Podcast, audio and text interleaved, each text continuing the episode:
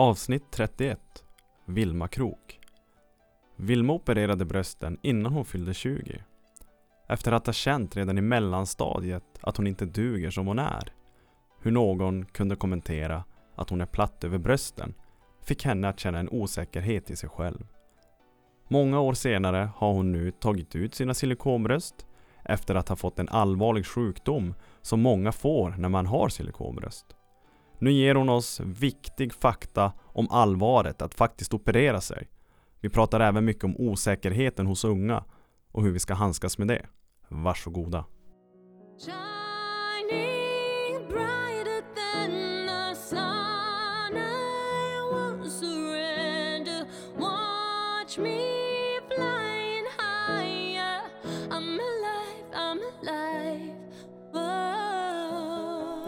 Är du redo Vilma?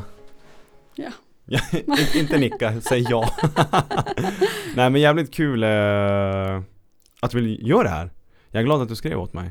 Ja, men det känns riktigt roligt faktiskt. Och det här är ju ett avsnitt som jag sa till innan också att eh, ett avsnitt jag inte vet, eller ett ämne som jag inte vet så mycket om men ändå är väldigt intressant. För det här är ju verkligen på tapeten idag. Ja, precis, det tycker jag också. Eh, för de som inte vet vem du är, eh, vem är Vilma Krok? Ja, jag är 26 år, bor i Tolla tillsammans med min sambo. Och våra hundar, just nu har vi två hundar, annars en hund. Eh, ja, jag gillar att köra skoter på fritiden. Jag jobbar på Metso.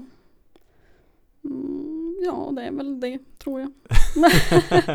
det är ditt vardagliga Ja, Svensson Svensson liv låter det ja som. precis. Du har det bra. Ja, det Mm. tycker jag.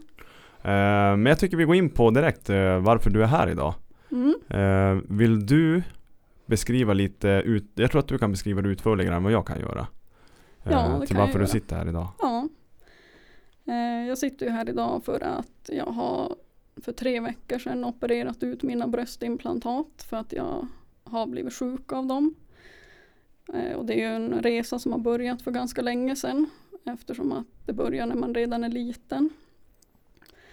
Eh, I skolan så ser man ju att folk, ja men när man är liten så ser man ju vuxna kvinnor och då ser man ju att alla ser olika ut och vissa har bröst och vissa har inte bröst. Sen, sen kommer man upp i tonåren och så ska alla utvecklas och så inser man att alla får ju inte bröst då. Och sen när man inser att man själv är en av dem så blir det ju ganska jobbigt. Men jag avbryter det där lite grann. Hur Mm. har din skolgång varit när du säger att det börjar så tidigt? Ja, alltså det är ju någonting jag själv i alla fall upplever att jag har tänkt på ända sedan jag var liten. Och jag vet inte exakt ålder men Ja men så länge man kan minnas typ. Var, vad, varför tror du att det kommer upp i små tjejers huvud? Mm, det vet jag faktiskt inte. För på den, när vi var små så hade vi ju inte sociala medier på samma sätt som det finns idag. Nej precis. Så livet är ju, ser ju lite annat ut nu med sociala medier än vad det gjorde då. Men jag vet faktiskt inte alltså hur det kan börja redan så tidigt. Det måste ju vara bara att man ser hur andra ser ut och att man får en bild av att sådär vill jag också se ut eller ja.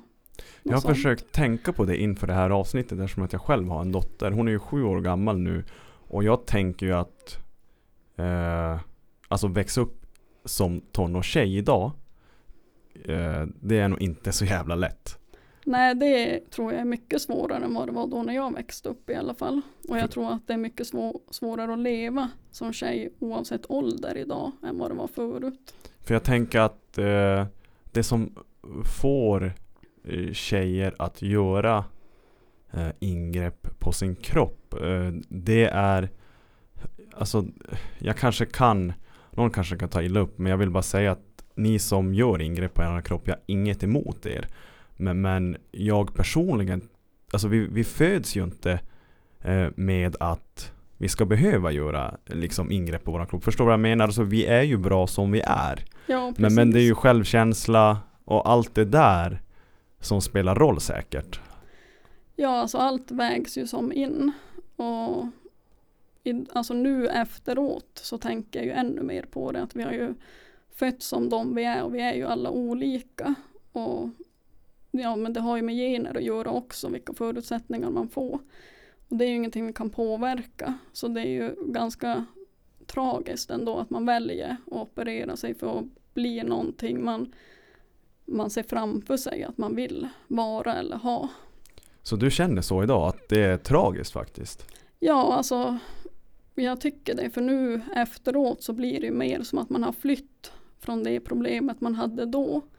Med att man inte, ja, man tycker inte att man är fin utan bröst till exempel. Och vill ha bröst för att då är man finare. Eh, så det blir ju på ett sätt att man flyr och sen nu när man har varit tvungen att ta ut dem då är man ju som tillbaka på ruta ett lite grann. Mm. Och det tänkte man inte då när man opererade sig för de lovar ju livstidsgaranti att ja, men implantaten ska hålla hela livet. Och de komplikationerna man får information om är ju typ ja, några få grejer. Vad kan det vara? Om du tar något exempel. Bara så jag får en bild av det hela. Ja, alltså det är ju sju år sedan jag opererade mig och det enda man fick veta då var att man kan få kapselkontraktur, heter det. Vad betyder det på svenska? Eh, ja, det är ju att man får eh, implantat, alltså, eller runt implantatet så blir det som en kapsel med ärrvävnad som Mhm. kroppen bildar då för att det är ett främmande föremål man får i kroppen. Och här, den här kapseln ska ju som skydda kroppen mot implantatet. Och den kapseln kan bli för liten för själva implantatet. Så att Mhm. implantatet blir missformat. Och då spänner det ju, ja så den är mindre än implantatet. Okej. Eh, nu får jag värsta bilderna i huvudet. Nej. Eh, men är det det som händer för dig? Nej, det var ju inte det som hände för mig. Eh, men det är ju den, den risken man blir informerad om när man Okej, gör det är typ bara, operationen. alltså det är typ så lite. Ja, precis. Mm. Jag tror att det var kanske två eller tre grejer man blev informerad om och det är bland annat en av grejerna. De andra grejerna kommer jag inte ihåg nu. Men det är, alltså, det är sådana grejer som de har studerat folk typ aldrig drabbas av i princip. Men eh, om, om vi gör så här Vilma, eh, vi kommer till det vi pratar om nu liksom, eh, när du blev sjuk och det. För jag är jätteintresserad av vad är det som gör att vi opererar oss? Mm. Ja, och sen är, jag tycker det är viktigt att lyfta också. För jag, jag är av den åsikten att jag tycker inte att vi ska behöva göra det. Nej, precis. Nej, jag tycker inte heller att vi ska behöva göra det eftersom att vi alla är ju fin som vi är och vi har ju fötts till den vi har blivit. Så jag tycker att man ska vara mer snäll mot sig själv och tycka om den man är. Men det är ju svårt och framförallt i den åldern också. Jag Mm. opererade mig när jag var 18. Okej. Så, Mm. och då har man ju typ, ja man går sist när jag hade gått ut gymnasiet. Så man är ju, när 19 var jag, jo. Och då är man ju, alltså Mitt uppe i livet. Ja men precis, man har gått ut skolan, jag började plugga på högskola och så satt ju alla de här tankarna kvar från när man var yngre och jag kommer ihåg en gång när jag var, undrar vad jag kan ha gått i typ sexan kanske. Så tidigt? Jo, då hade vi bad, alltså badhus på Mm. gympalektionen och då kommer jag ihåg att det var en kille som sa till mig att eh, jag menar att till och med vi killar har ju större bröst än vad du har. Uff, vilken douche. Ja, och jag kommer inte ihåg vem det var som sa det, men kommentaren sitter ju fortfarande kvar fast det har gått så många år sedan dess. Och det är ju sånt jag tänker alla måste bli bättre på att inte säga elaka kommentarer som folk tar illa upp av. För det Ja. måste ju vara det någonstans som gör att man ändå väljer att operera sig för att man, man känner ju att man inte duger och man känner att man är ful som man är. Och opererar jag mig så blir jag snyggare och finare och mer omtyckt typ. Mm, alltså det är det här som är så jäkla intressant. Mm. Eh, för att det är bo- alltså jag både håller med dig men ändå inte lite grann. För här är ju självkänslan så jäkla viktig. Mm. Del, alltså för det första så ska ju inte killen, han ska ju veta bättre. Mm. Alltså han ska ju dra igen att du inte slog han. ja, precis. Typ. Mm. Men säg att så här, för vi kan ju inte påverka andra människor. Vi kan, jag kan inte påverka vad du säger åt mig innan du går hem idag eller någonting. Du kan vräka ur det vad som helst. Mm. Och då är det ju upp till mig hur jag handskas med situationen. Förstår du vad jag menar där Vilma? Ja, precis. Så att jag vill inte att någon ska ta illa upp eller att jag försöker skönmåla det här utan eh, på något sätt eh, jag tror att om man har en viss trygghet i sig själv så kan en sån kommentar inte vara lika hård mot dig. Förstår du hur jag Mm. menar nu? Liksom. Ja men så är det ju. Känner man sig ändå, eller man behöver inte älska sig själv heller, men att man accepterar sig själv för den man är och hur man ser ut. Så tror jag ju att man slår lättare bort sådana kommentarer än vad man gör om man är svag och tycker att man inte är någon fin och ja men man är skörare helt enkelt. Mm. Då biter det ju hårdare. Precis. Eh, men redan så tidigt för dig. Eh, var du eh, sent utvecklad i puberteten? Eller heter det puberteten med tjejer? Nej, jo, alltså- eller vad heter jo, det? det heter ju det. Men nej, jag tror inte det. Alltså det fanns ju de som var både tidigare och senare. Mm. Så jag tror inte det. Men eh, Vad, hur, hur går snacket i tjejgänget så, så ungt? Alltså när du liksom får de där tankarna så ung. Hur, eh, triggar man varandra? Tjejkompisar eller? nej, jag tror inte det. Vad jag kommer ihåg så pratar man inte så mycket om det i alla fall. Inte om just bröst i alla fall. Det är väl mer typ mens och sånt man pratar om då. Ja, ja. Ja, För det är det som jag hade velat veta när jag ändå sitter med dig här idag. Vad är det som gör att man får de tankarna? ja, Men det är klart, det är ju länge sedan. ja precis. Ja, alltså jag vet inte riktigt. Men jag var, jag var ju mobbad också tidigare. Okej. Så jag var ju skör redan från det. Då när jag Mhm, gick i- mm. lågstadiet. Och sen bytte jag ju skola. Så då, ja men man blir skör av det också, byta miljö när man redan är skör. Ja. Och sen mm. får man ta emot sådana kommentarer och Fan vad tråkigt att höra. Det, det visste jag inte. nej, ja, pågick det länge mobbningen då? mm, jo, det tror jag. Jag kommer inte ihåg exakt när det började men jag bytte skola i när jag började femman. Mm. Så det var ju säkert typ ja, tvåan, trean, fyran i alla fall tror jag. Är det sådär för dig? För i Jocke Pettersens avsnitt, han, då pratar ju han också om att han varit mobbad. Mm. Men han, min, alltså han ser det typ som en mörk tid. Det är så svårt att sätta typ exakt typ vad de gjorde eller exakt när det hände. Mm. Utan när man liksom blir mobbad så är det som, man är som i en bubbla bara hela tiden. Ja, alltså jag vet inte. Jag, jag kommer ju ihåg det mesta, eller i alla fall de grövre händelserna tror jag. Men eh, det är klart man förtränger ju också sånt som inte är positivt. Mm. Så man kommer inte ihåg exakt allting men, men det sitter ju fortfarande kvar. Mm. Det, det är sjukt hemskt.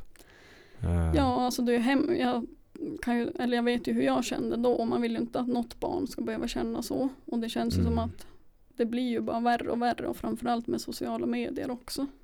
ja nu, åh fy fan. Så man är i alla fall glad att man växte upp på den tiden när inte det fanns. Ändå att du kan se det positivt. ja, Men, men sen då när du blir äldre eh, och du kanske börjar bestämma dig för att du ska operera brösten.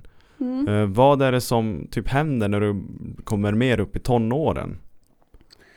ja, alltså jag hade nog bestämt mig ganska tidigt. Jag tror i typ ja, femman, sexan kanske. Att jag ska operera mig sen när jag har råd och har blivit 18 typ. Jävlar. Och sen, sen, ja, men sen pågår ju det då. Tänket hela tiden. Att ja, sommarjobba, tjäna pengar, sen direkt boka operation typ och göra det. Men jag sa ju som ingenting åt mina föräldrar heller om det förrän någon månad innan jag skulle Mm. operera mig. För Mhm. att någonstans är det ju också lite tabubelagt tycker jag i alla fall då på den tiden. Det är ju ändå Mhm. sju år sedan, det var inte lika vanligt som det är idag. Mhm. Och sen ja, men, säga till sina föräldrar att man vill operera sig för att man inte är nöjd med sig själv. Jag, jag tänker de vill väl ändå att sina barn ska vara nöjd med sig själva. Ja det är ju klart. För Hur, de tycker ju ja. att man är fin som man är. Det är ju klart. Och men hur tog de det? När du kläcker den nöten? Ja, alltså det började ju med att, eller då jag hade ju varit inne på deras dator och kollat på så här operationssidor och sånt. Och sen åkte jag bil med mamma en gång och så tänkte jag bara nej men nu måste jag säga. Alltså jag ska ju typ dit snart. Då måste jag få veta något. Du hade bokat redan? Ja, jag hade bokat konsultationen. Och den var ju i Landskrona. Så det är ju ganska långt ner i Sverige. Eh, så då droppade jag det i bilen åt henne. Och då sa hon. Ja, att jag har sett att någon har varit inne och kollat på sådana där sidor.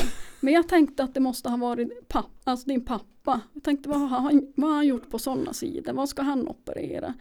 Ja men vad bra, då vet jag ju att det var du som hade kollat det i alla fall.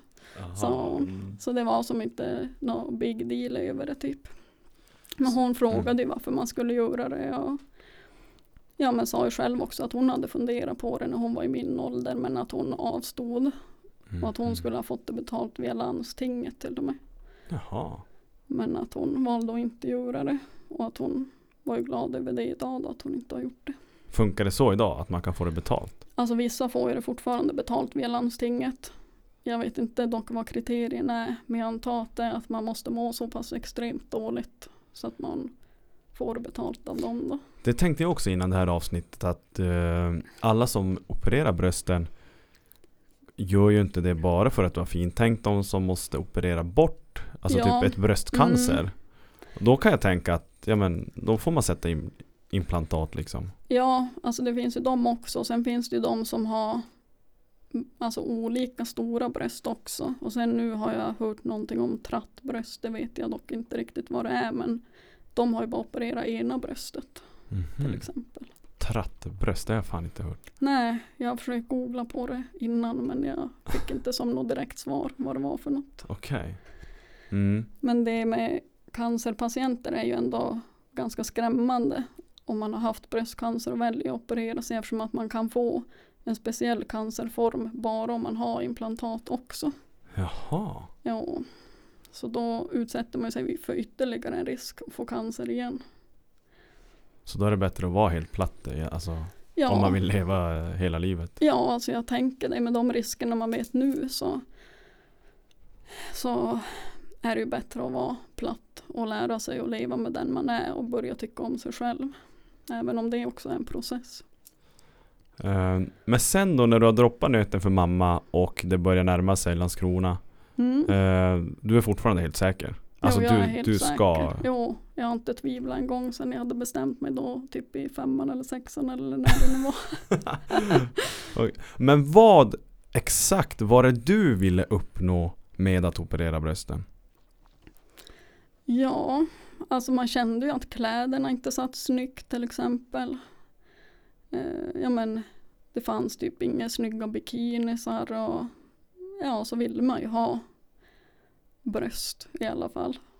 Och jag har ju alltid känt att jag ville ha stora bröst. Alltså jävlar, alltså Ja, alltså stora, innan, stora. innan jag har opererat ut dem nu så har jag hela tiden tänkt att jag ska byta ut dem och göra större. Okej. Men sen nu sitter man här och har tagit bort dem helt. Ja, Ja. Så det är en Eh. ganska stor omställning. Men hur går en sån operation till? För de som inte vet, och jag vet Och ju att det sätta in eller ta ut. Och sätta in. Ja, alltså man åker ju dit på operationsdagen. Man brukar vara där på morgonen någon gång. Och sen får man så här, lugnande medicinering och sånt. De ser över dig typ. Ja, alltså inte på en gång men man nej. får lugnande i alla fall inför operationen och säkert någon annan medicin typ mot illamående och sånt. Eh, så man inte mår illa efter narkosen. Mm. Sen ritar de ju på en och implantaten har man bestämt redan på konsultationen vilken man ska ha, hur stora och sånt. Kan vem som helst välja hur stora som helst? Nej, alltså det finns ju en gräns. Okej. Jag tror, jag tror inte man kan sätta för stora på en gång. Då måste man nog göra först en operation och så göra större nästa gång. Hur, hur stora bestämde ni att du skulle sätta? Eh, jag valde 445 cc. Och det var de största implantaten hon rekommenderade att jag kunde ha typ för att annars skulle de bli för breda för bröstkorgen. Mhm. Så att de skulle sticka ut på sidorna typ. Och vad kostar det här paketet? Det kostade 42 000 plus ja, men flygresorna ner och Ja, upp. Och, boende och... ja. Så typ 50 000 kanske, allt som allt. Mm. Och sen då operationen, ja då jag valde att lägga in dem via armhålan. Man kan välja det eller under bröstet. Och det var ju ganska nytt då. Så jag tänkte, ja men vad bra att det, då syns ju inte ärren. Så jag valde det och då skär de ju upp och sen sätter de in dem dit. Jag vet inte hur de gör men jag hade ju under muskeln också så på något sätt får de ju de under alltså bröstmusklerna också. Jag vet Okej. inte hur det går till riktigt men ja. Och, ja man är ju i narkos också. Men sen vaknar man ju upp efter det och då är det som att man är överkörd av en lastbil känns det som. Vad är eh, fördelen med att sätta dem under muskeln? Eller utanpå muskeln? Eller hur, Ja finns det någon alltså, anledning till varför man gör det? jag tror inte att det är jättestor skillnad men de hålls nog mer på plats om man väljer att sätta under muskeln. Okej. Och sen tror jag det var att om man inte har så mycket egen vävnad heller så ja, men, syns implantaten mindre. Alltså, för det blir ju ojämnheter som till exempel när man böjer sig ner då blir det som ränder för då ser man ju implantatet hur den Ja det är svårt att förklara men den väckar ju sig lite som. Mhm. Så jag tror att det är det också att, att det ja, men inte ska synas lika tydligt kanter och sånt. Mhm. Men jag är inte Mm. helt säker. Sen när du vaknar upp då där, nyopererad, kanske ja, lite överkörd. Vad är första känslan och tankarna? Ja, nej, men det var väl lycka säkert. Minns du Att, inte? nej, alltså inte så i detalj men jag antar ju att man var nöjd i alla fall. Ja. Och för nu liksom har du fått de där brösten du har drömt om sen femman, Ja, sexan. precis. Så det var ju, ja. Det är nog, nej jag kommer inte riktigt ihåg vad jag kände men det är nog säkert svårt att beskriva. Alltså det måste ju ha varit lycka och eh, lättnad och ja men alla möjliga känslor på samma gång. Hur, hur urartar sig ditt liv nu då? Eh, Du kanske känner att du har fått dina bröst och du känner att du kanske kan vara mer trygg i dig själv. Blir det nu så typ att, ja men, att man, eh, hur ska man säga det här utan att göra någon, eh, att någon ska ta illa upp? Så här kan det vara, om jag tar ett Mm. exempel. Ibland kan man se vissa tjejer, eh, nu då på Instagram finns det väldigt tydliga fall där tjejer har gjort implantat och helt plötsligt börjar det ploppa upp en jävla bild om dagen och det är urringat och det Mm. är, ja förstår du vad jag menar? Ja, Blev det så för dig att nu jävlar ska du visa brösten, typ? nej alltså inte riktigt så som man ser andra. Men samtidigt så tänker man ju att ja, men när man väl har opererat sig då ska man inte dölja dem heller. Så nu Mm. har man ju haft urringat och, och sånt. Mm, men, det förstår men man ändå. inte sådär alltså, extremt som vissa är. Att det blir typ hela ens liv nästan att lägga ut sådana bilder och Mm. ja, men hela tiden visa upp att man har sådär. För då, för, för det jag tänker i ett sånt beteende Det är ju att, alltså silikonbrösten i ett sånt fall är ju inte räddningen Nej. Utan då är det ju någonting annat som man trånar efter. Alltså då är det ju självkänsla, självförtroende. Alltså Mm. liksom Ja, då är man fortfarande osäker fast man Mm. har de där. Det blir bara en ytlig fasad. Du förstår vad jag menar? Ja, jo men så är det ju. Och jag vart ju, ja men jag har ju varit nöjd med de brösten hela tiden. Men då har jag ju inte varit nöjd med allt annat istället. Så man, Som, har, ju, ja, så man har ju ändå inte blivit helt nöjd med sig själv. Men med den biten har man ju varit nöjd. med bara brösten. Ja. Hur tror du att, eh, om det skulle komma fram, den här killen som sa åt dig att du inte hade något bröst på badhuset. Om han skulle komma fram och sa att du hade för stora bröst, att det är fult. Hade du varit självsäker i dig själv och bara skratta eller hade du tagit illa upp? Nej, då hade jag nog varit självsäker och bara skrattat åt honom och sagt att jag bryr mig väl inte vad du tycker. Mm. För det jag vill, det som är intressant här är att jag vill veta hur jag menar, vad som hände när du väl opererade dig. Alltså just i tankesätt och liksom Mm. självkänslan och Ja, alltså man vart ju mycket säkrare i sig själv. mm. Det blev man ju.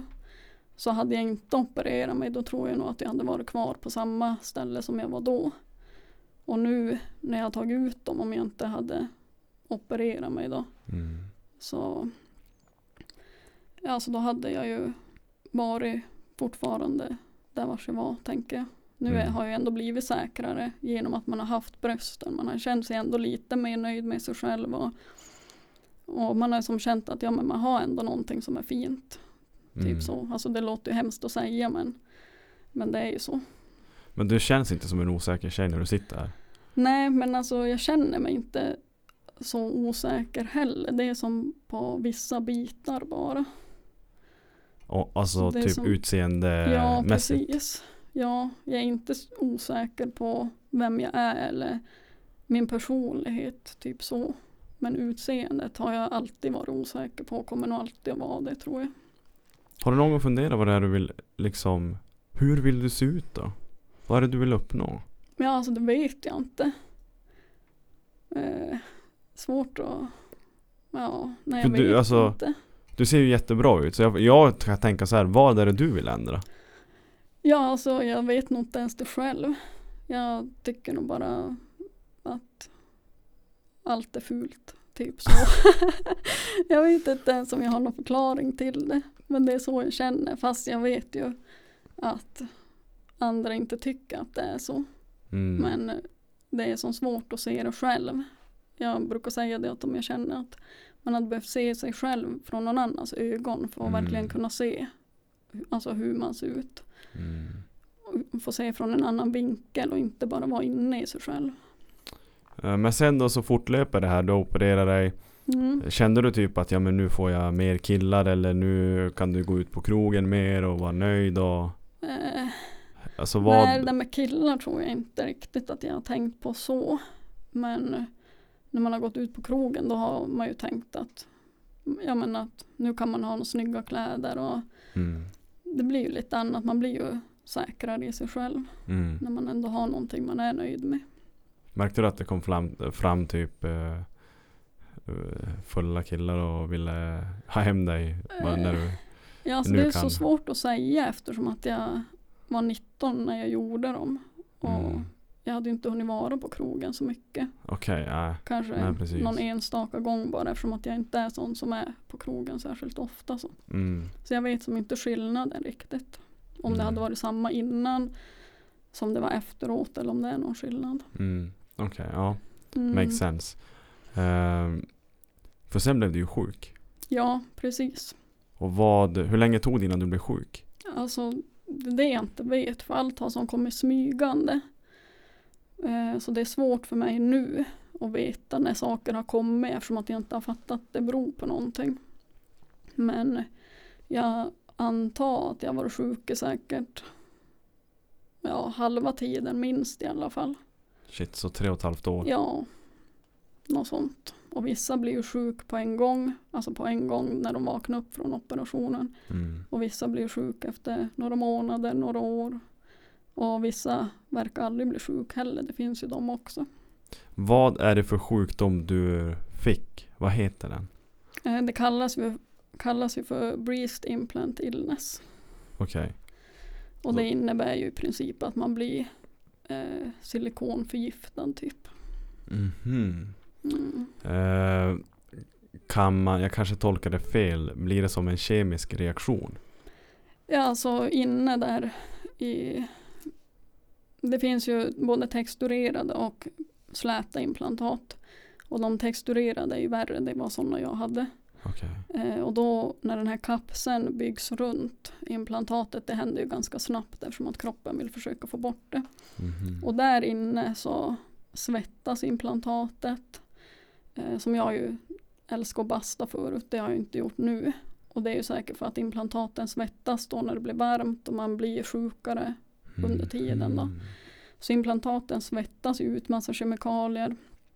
Och det sprids ju i kroppen. Och sen finns det ju de som har gelbleed kallas det för.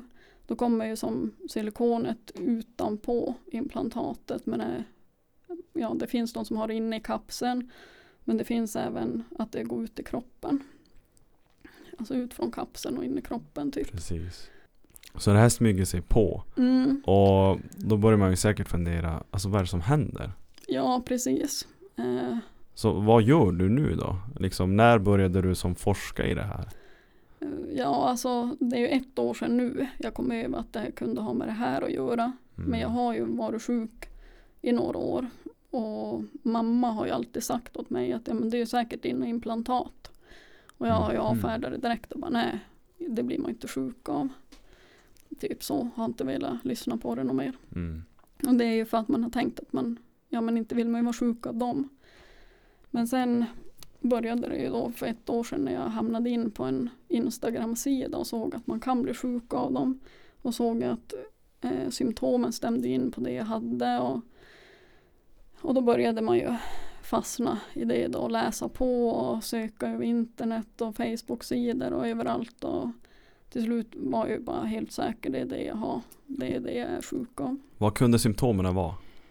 Alltså det är ju väldigt olika. Är det det du har skrivit ner i din bok? Ja, precis. Annars kommer jag inte ihåg. Mm. Låt höra. Men eh, det är bland annat extrem trötthet som typ nu när det var som värst, det var 2019. Då har jag ju typ gått på jobbet, kommit hem, ätit mat på en gång och sen har jag sovit resten av dagen och sovit hela natten och gått upp på Mhm. jobbet. Kommit hem, ätit och sovit till dagen efter typ. Mm. Och så har det sett ut i princip hela året. Och jag har ju varit extremt trött i flera år. Så jag har ju typ misstänkt att jag kanske fick eh, narkolepsi av svininfluensavaccinet. Mm. Eh, Mm. så jag har varit riktigt trött. Alltså jag har inte kunnat köra bil typ utan att somna. Det låter fan illa. Ja, det är riktigt illa. Och under den ettårsperioden så Ja, jag städade, städade inte min lägenhet på ett år. Utan det var min sambo som fick städa. Mm. Jag lagade mat typ max fem gånger på det året. Orkade aldrig umgås med kompisar. Eh, hela livet vart ju typ lidande. Och sen har jag haft konstant tryck i huvudet och i ögonen. Mhm. Eh, alltså som att det ska explodera Mm. hela tiden. Det har aldrig gått bort. Och hjärndimma är det många som har.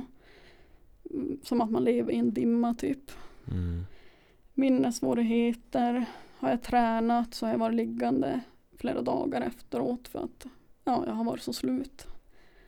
Eh, men det jobbigaste av mina symptom det har varit att jag har tyckt att det har varit så fysiskt jobbigt att prata.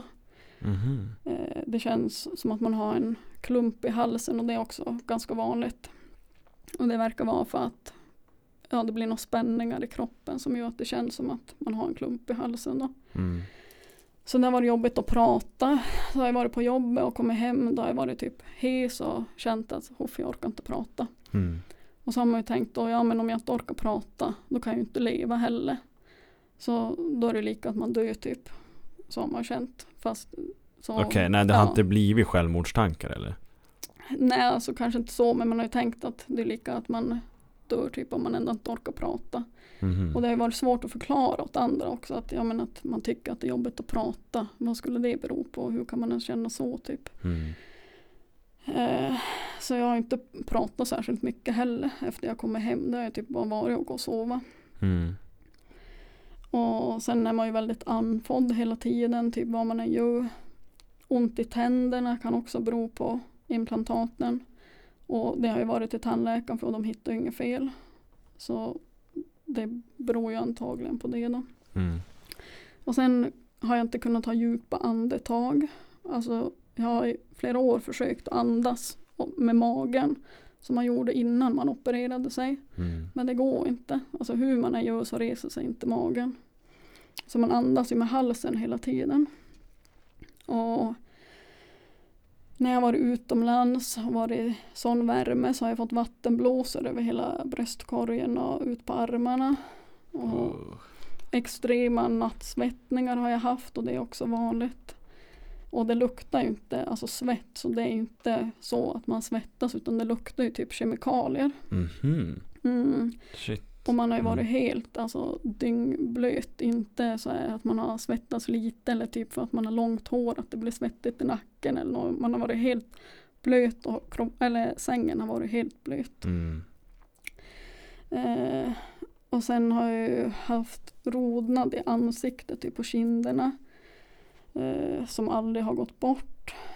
Röd i ögonen. Och sen synen har varit ganska påverkad. Har sett suddigt så här till och från. Eh, så man har fått öppna och stänga ögonen flera gånger innan det har gått bort. Mm. Eh, ont i ögonen och min syn har blivit sämre som den kan bli. Mm. Eh, ljuskänslig och känslig för ja men typ alla väder. Soligt, blåsigt.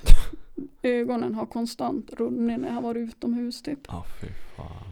Eh, och sen ledvärk. Har jag somnat på soffan till exempel då har jag knappt tagit mig upp sen för att jag, för att jag haft så ont i alla leder.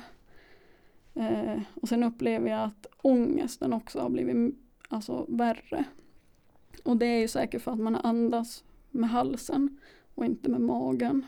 Ja, och sen har du haft ont överallt typ. Ja, precis. Alltså, tacka fan för att ångesten kommer ja, också. Mm, Alltså det, det, det hade ju nästan varit lättare att säga typ Alltså vad som har varit bra typ med ja kroppen. men precis. Det låter som att du har mått jävligt dåligt. Ja. Eller kroppen har verkligen Ja, alltså, reagerat. ja, alltså jag har ju Shit. mått skitdåligt. Och sen också när man bara sover hela tiden, alltså man får ju inte ett meningsfullt liv. Och det är ganska jobb- eller har ju varit ganska jobbigt för min sambo också. Ja men vad har vi fått för tid tillsammans till exempel? Jag bara kommer hem och somnar direkt typ. So call me a cynic, call me a bummer. I don't wanna be that way anymore. This life that I've been living, living without color, ain't a life worth living. Då kan man tänka också som sambo där. Alltså Mm. då k- borde man fundera, så vad är det för fel på Vilma? Typ Ja. alltså, alltså innan man vet om vad Mm. orsaken är. Typ alltså vad har jag valt att leva med för människa? Ja, hon sover dygnet runt och Ja. bara gnäller att hon har ont överallt. Ja men precis. Och orkar aldrig ta hand om någonting typ. Ja men aldrig orkar städa, aldrig orkar ju mat. Mm. aldrig orkar göra någonting alls typ. Och sen, det var ju en kompis som sa till mig en gång som bara, men tänk om du inte orkar göra alla roliga saker och mer som du tycker är roligt. Och Mm. då sa jag bara, ja men vadå, det väl klart man kommer orka ju det. Man kommer ju alltid orka göra roliga saker. Men så var det ju inte. Jag, eh, jag köpte ju ny skoter då förra säsongen och skulle köra för TT Trading och eller jag har gjort det men jag har ju knappt orkat köra. Alltså jag Mm. har varit sängliggande hela våren. Och varje gång typ när min sambo har sagt men ska vi få ut och köra? Bara, Nej alltså jag orkar inte. Det går inte. Mm. Så jag har ju typ legat i soffan hela, hela Hela vintern. våren och Ja. hela året innan det. I soffan efter jobbet och sen i sängen. Efter det då på en gång. Eh, ja. Alltså, ja shit. Fan vad tråkigt att höra men ändå Alltså det som är så skönt att veta nu är att För idag är du väl frisk? Eh, ja, alltså allt har ju inte blivit bättre men det är svårt att veta också så här kort inpå eftersom att det bara har gått tre veckor. Mm. Eh, eftersom att som nattsvettningarna till exempel har ju inte haft varje natt, det har ju kommit i perioder. Eh, och träna har jag inte fått göra ännu. nej, nej. Men jag och min sambo var ute och gick med hundarna runt Eliusspåret i förrgår. Och då höll jag ju hans tempo och gick typ skitsnabbt vilket jag inte har gjort på ja, flera år. Mm. Så bara där såg jag ju också att det var skillnad även om jag inte har fått börja träna ännu. Fan vad skönt. Ja, och jag är mycket piggare, är typ vaken längre än vad han är på kvällarna. Och trycket i huvudet och ögonen är helt borta. Eh, hjärndimman är helt borta. Och, du sitter här i podden och pratar. Ja men precis. Prata har varit jobbigt ja, förut. och har tagit mig hit, vilket jag inte Ja, hade gjort tidigare. Så det har ju blivit mycket bättre. Och jag kan ta djupa andetag igen, det går att andas med magen. Mm. Och efter operationen nu när jag tog ut dem så bara några timmar efteråt så var det extrem skillnad i ansiktet. Allt rött var borta. Ja och sen det. ser man mycket på ögonen, de som har haft implantat och tagit ut, att ögonvitan är helt grå och grumlig Mm. medan man har implantat. Och sen när man har tagit ut dem så är ögonvitan helt klar och helt vit. Mm. Och det kom också bara någon timme efter operationen. Eh, Så mycket har ju hänt. För jag minns att du skrev åt mig också eh, Bara Mm. kort kort efter att du hade opererat dig och då skrev Ja. du också att Fan jag mår redan bättre Ja, Och nu förstår ju jag varför vi har mm. väntat med den här podden Ja precis, för jag har ju ändå varit orolig att det kanske inte blir bättre. mm. Men Men jag har ju hoppats och trott det för jag har ju varit helt säker att det är det. Och sen då på operationsdagen så insåg jag att det hade hänt så mycket redan den dagen så då var jag ju helt säker på att det var det. Hur Det här är viktigt Vilma. Mm. De som känner igen sig som har silikonbröst och Mm. känner igen sig i din historia. Vad gör man när man behöver hjälp? Hur får man hjälp när man har det här? Ja, alltså vissa kan ju som har kommit på att man är sjuk av det har ju fått dem uttagna av landstinget. Eh, men jag, ja, jag började ju kolla efter kirurger. Typ, alltså den här resan då från när det började för ett år sedan jag insåg att det var det. Mm. Har ju varit konstant ångest typ. Eh, leta kirurger, ja man bokade in operation. Sen insåg man att nej men det här kändes inget bra. Så har man avbokat, bokat med nästa. Så det är ju ganska mycket letande att hitta en kirurg. Eh, ja men som man känner sig trygg och, och lita på. En, får jag bara flika in här? Eh, vi pratade lite om garantier och sånt där Mm. innan. Det här ingår inte i någon garanti. Nej, utan det som garantin täcker det är ju om det blir typ som det kom, alltså kapselkontraktur. Och då byter de, alltså jag tror att de tar ut det då Okej. och åtgärdar problemet så. Och sen om man har trasiga implantat då ersätter de med nya. Precis, så Mm. det här så nu måste du liksom punga ut pengar igen. Ja precis, jag har ju fått betala då eh, 39 000 den här gången. Få ta ut dem! Ja, och då finns det ändå ställen som tar typ 69 000 för samma operation. Oh. Så det är ju verkligen att de ska tjäna pengar på folk. Men varför det är så, så svårt också just med att ta ut dem är ju för att alla kirurger inte har den kompetensen som behövs eftersom att man kan ju välja att ta ut implantaten bara eller ta ut implantaten och kapseln som har Mm. blivit runt implantatet. Och tar man ut implantatet bara, då kostar det inte så mycket. Då kan man Mm, typ mm. alltså få billigare pris också på den kliniken man har satt in dem. Eh, så då kanske det är typ ja, men 15 och 20 000 eller något sånt. Mm. Men tar man inte ut kapseln då finns det risk för att de här symptomen kvarstår.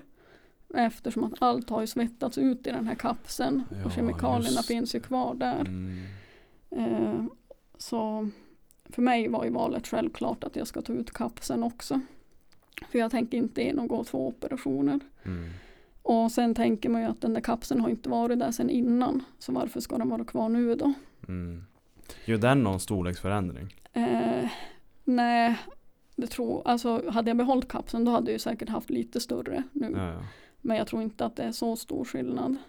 Okej, ja. så den är typ helt meningslös egentligen. Ja, precis. Och sen har man ju sett skräckexempel på de som har lämnat kapslarna kvar. Eh, som har tagit ut dem vid ett senare tillfälle. Då, alltså då har de ju blivit helt knöliga och typ fyllda med vätskor och allt möjligt. Mm. Som, ja jag antar ju att det inte är bra. typ helt bruna vätskor och sånt.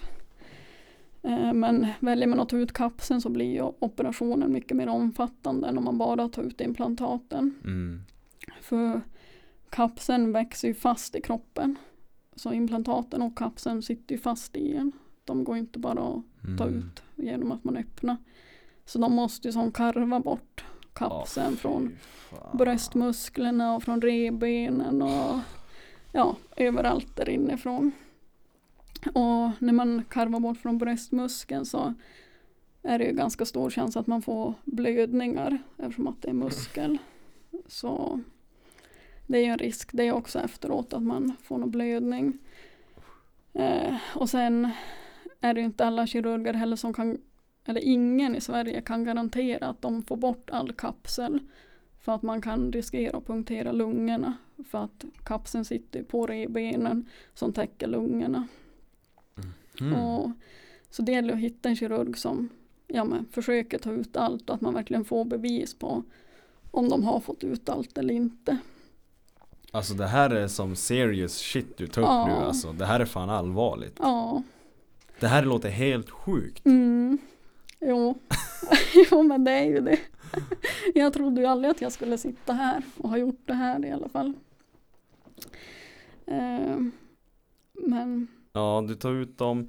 Och sen tänker jag också vad eh, för det kan ju bli säkert, eh, för nya Vilma är ju liksom hon med silikonbröst och säker Ja. och liksom, ja men nöjd med dig själv. Ja, Eh, jaha, och nu ska de här bort. ja precis. Och eh, Mm.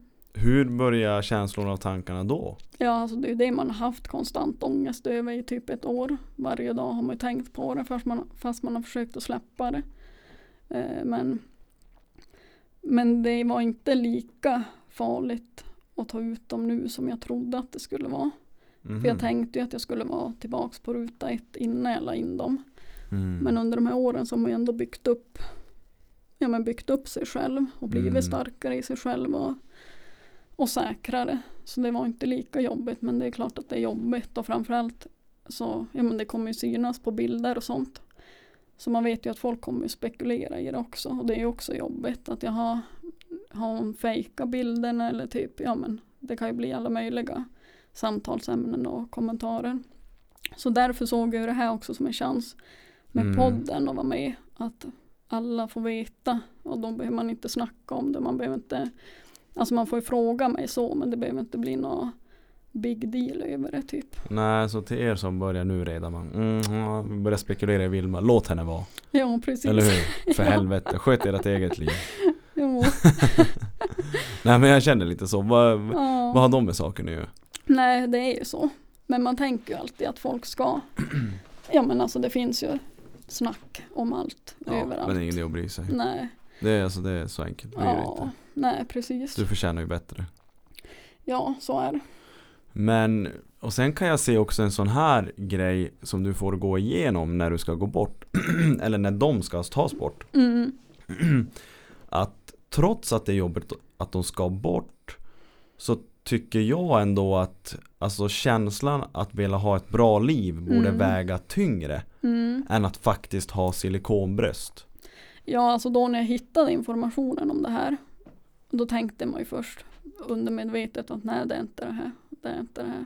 Mm. Men ju mer man läser så insåg man att jo det är det här. Och då var det som bara ja fast jag, jag kommer inte ta ut dem. Jag dör hellre. Jag tänker inte ta Mm. ut dem. Det finns inte på världskartan. Men sen ju mer tiden går man blir sjukare. Man mår sämre hela tiden. Det blir som ingen ljusglimt. Det blir aldrig bättre. Då inser man ju att, att man kan ju inte bara tänka så. Och vad säger det åt de som, är, som inte har något bröst heller? Att man vägrar ta ut dem för att man inte vill bli platt.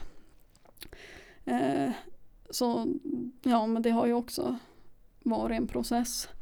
Eh, och till slut så inser man ju att nej, men jag måste ta ut dem. Mm. För jag, om jag kan välja att må bra, då måste jag ju ta den chansen.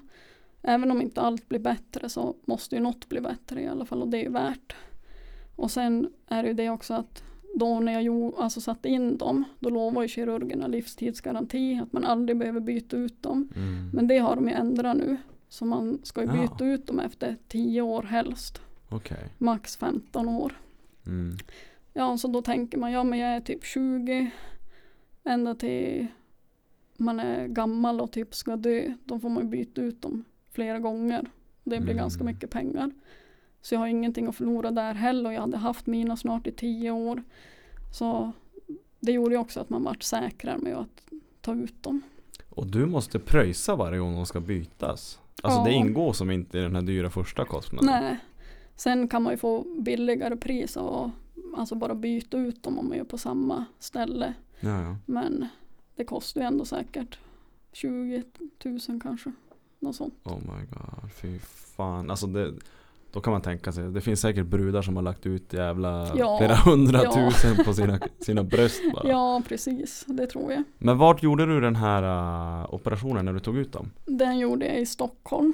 Så det var ju lite närmare än i Landskrona i alla fall. Och det var ju en kvinnlig kirurg. Hon gör mer uttag än vad Mhm. hon sätter in nu senaste året typ. Och hon verkar ändå, ja men hon verkar ändå kunna stå för att man kan bli sjuk av dem. Det är inte många kirurger som gör det för skulle det här komma till ytan och folk är mer medveten så kommer ju operationen att minska och det då tappar ju de sina jobb helt enkelt. Och det vill Mm. de ju inte. Det låter ändå som att eh, det kanske är svårt att säga nu, det är ganska tidigt. Men alltså du är nöjd med hon som tog ut dem? Ja det är jag. Och hon kan du rekommendera. Ja, absolut. Är det någon shoutout du vill göra här i podden? Typ till de som funderar? Vad, Ja, jag, vad de heter, företaget eller? ja, alltså jag har varit på strandkliniken och kirurgen heter Oja. Okej. Mm. Det är de Nej, det var jättebra faktiskt. Mm. Och det, jag är med i en Facebookgrupp både här i Sverige och i USA. Och i Sverige så gör ju majoriteten av de som tar ut dem hos henne. Okej. Mm. Så det är kanske en kändis inom eh, bröstimplantat? Ja, precis. Och sen har inte hon heller höjt sina priser än i alla fall. Så jag hoppas att priset kommer kvarstå så att man ändå har råd att ta ut dem. Mm. För det finns ju de som inte har, alltså många som har implantat och som är sjuk är ju sjukskrivna. Och har ju Mm. inte inkomst så att man kan betala det själv. Jag ser folk i gruppen som skriver att de fick ingen lån, de kan inte ta ut dem, de kan inte spara pengar för de har så låg inkomst. Och, men är som ganska låst och sitter där och är jättesjuk och kan inte göra någonting åt det. Mm. Eh, Men Vilma, när du sitter här nu, det här är ju ett sånt, det är ganska känsligt ämne kan jag tänka mig. Och Mm. jag vill ju inte trampa någon på tårna även fast det kanske är lätt att man gör det. Men jag vill ju försöka se det som ett som så logiskt och verklighetsuppfattat perspektiv som möjligt. Som Mm. du säger också att folk tar lån Mm. för att operera sig och då kanske någon sitter och säger ja det är klart hon ska ta lån, hon är ju osäker, hon mår ju dåligt. Mm. Jo, jag köper det. Men Alltså jag är väl funtad så att Alltså när det går så långt att man ska behöva ta lån Mm. för att operera sin Mm. kropp. Alltså vad, hur känner du där? Liksom nu när du har haft och nu har du tagit ut dem. Ja, alltså då när jag satte in dem, då, eller jag är ju sån där, ska, vill inte ta lån. Men jag, därför har jag alltid sett till att ha ett jobb för att kunna göra det jag vill göra. Så Mm. även fast jag har varit så här sjuk så har jag ju gått på jobbet. För jag vill ju göra de sakerna jag känner att jag vill och utan inkomst så kan jag inte det. Mm. Så jag har ju tagit mig till jobbet och sen inget mer än det. Det har ju som tagit all energi. Eh, så första operationen så sparade jag ju pengar från sommarjobb och opererade mig sen. För jag tänker ju det, alltså som sagt, inget emot de som opererar brösten, men Mm. ska du göra det? Se till att liksom ha någon slags buffert och Mm, Alltså jag tror inte man ska skynda in och bara jag måste ta lån nu, jag måste operera mig. nej, nej, alltså jag tänker ju att i alla fall när man sätter in dem att då ska man väl ändå ha pengar om man ska göra det. Än att gå och betala på ett lån. För Mm. det finns ju de som blir sjuk på en gång. Mm. Och så har man tagit lån och ska betala på det och sen ska man betala för att ta ut dem. Och, Mm. Ja, det blir ju värsta soppan av det. Men eh, Men din, Men- syn, alltså din syn idag då på det där, alltså känner du typ att eh, Alltså kan du rekommendera tjejer att göra silikonbröst? nej, inte med de riskerna jag vet nu. Men jag har ju ändå försökt sätta mig in i den sit- situationen hur jag hade reagerat då när jag var 19 år på konsultationen om jag hade fått veta alla de här riskerna. Mm. Och jag vet inte om jag hade gjort det eller om jag inte hade gjort det. Det är svårt att veta för samtidigt är man ju så inne i det och har varit så inne i det i så många år. Så det känns ju som att man, ja, men lyssnar man riktigt ens på de riskerna man får höra? Mm. Jag vet faktiskt inte. Det har du fan rätt i. Mm. För du var ju ganska bestämd. Ja, och hade ju varit det länge. Jag väntade bara på att spara in pengarna och sen boka så fort som möjligt typ. Så Ja, just det, så du kanske inte hade varit, alltså, tagit upp den risken. nej, så det är det som är, man vet ju riktigt inte.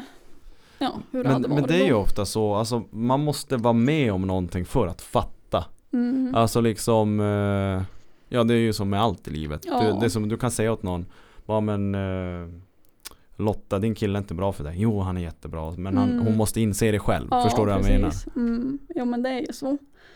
Och nu, ja så hade jag, nu känner man ju att man aldrig hade gjort det när man vet det här. Men då har jag ju redan haft dem så jag vet inte hur det hade varit där, där och då. Jag tycker att eh, alltså din sambo, vilket jävla krig alltså. Han, han Mm. ska ha eloge att han står kvar och liksom Ja, det tycker jag. Att eh, för, för det blir ju jobbigt att leva med någon Som ditt liv såg ut för ungefär Ja. ett år sedan. Precis. Och då kan det ju vara lätt att man faktiskt bara lämnar skeppet. Att Jo. nej men fan Vilma du får fan Mm. rycka upp dig. Ja, det hade ju kunnat vara så. Men, Men han har ju stått kvar. Ja, och det är jag ju jätteglad och tacksam över.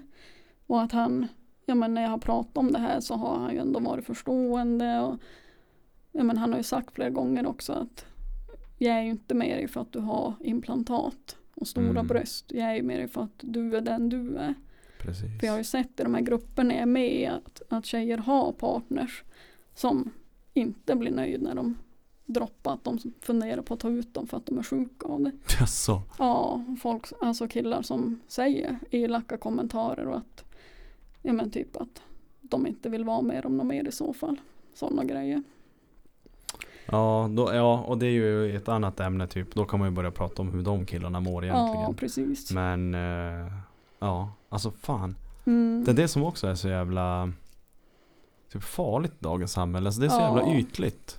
Och då måste man ändå tänka att det är ändå vuxna människor. Alltså jag kan ju på ett sätt ändå förstå att när man är barn att man kan droppa vissa kommentarer så. Mm. Men när man är vuxen så är det ju en helt annan innebörd i det. Då vet man ju ändå hur man beter sig. Ja hörru du, det säger. finns Ja. många som är vuxna på pappret men inte i huvudet. Nej men man tänker att de ska veta. men till, alltså, ja, alla fattar ju ändå inte. Och det gör ju att det är ännu mer hemskt. Att man som Mm. vuxen inte förstår.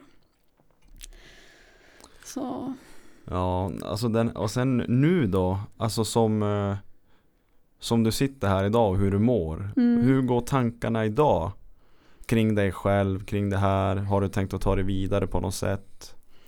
ja, alltså jag har ju vetat hela tiden att det kommer vara en process efter det här. Och jobba med mig själv.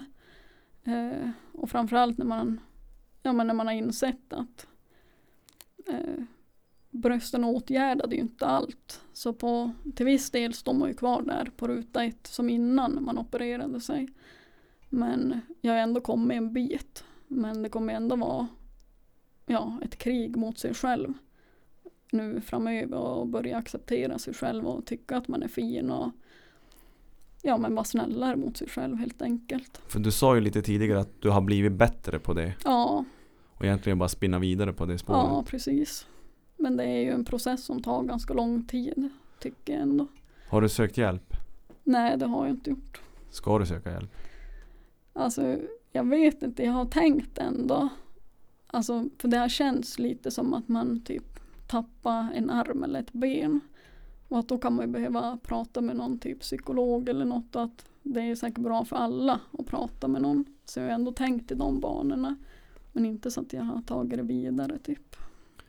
För det tänker jag i ditt fall. Hade jag varit i ditt fall, det är ju lätt att säga för mig men Alltså livet är så jävla härligt. Ja. Alltså livet, vi får bara ett liv. Ja, Eh, Och jag gör väl allt i min makt för att jag ska få ett så bra liv som möjligt. mm, Så att behöver jag söka hjälp eller behöver jag ta ut mina bröstimplantat så fan gör jag det. ja, Jag vill fan leva ett gott liv. ja precis. Alltså att man lite är på, på det spåret i, Mm. i Alltså man har det mindsetet så att Ja, säga. precis. Det är bara att gilla läget. Ja, ja men det är ju så. Eh, men just nu så märker jag ju inte av det så mycket. Det var ju det jag tänkte också att jag skulle göra det till hösten. Sommaren är förbi, det blir inget mer bada. Man Mm. har ändå tid att förbereda sig mentalt för ja, men sommaren och när man måste ha bikini typ eller något för att man ska bada.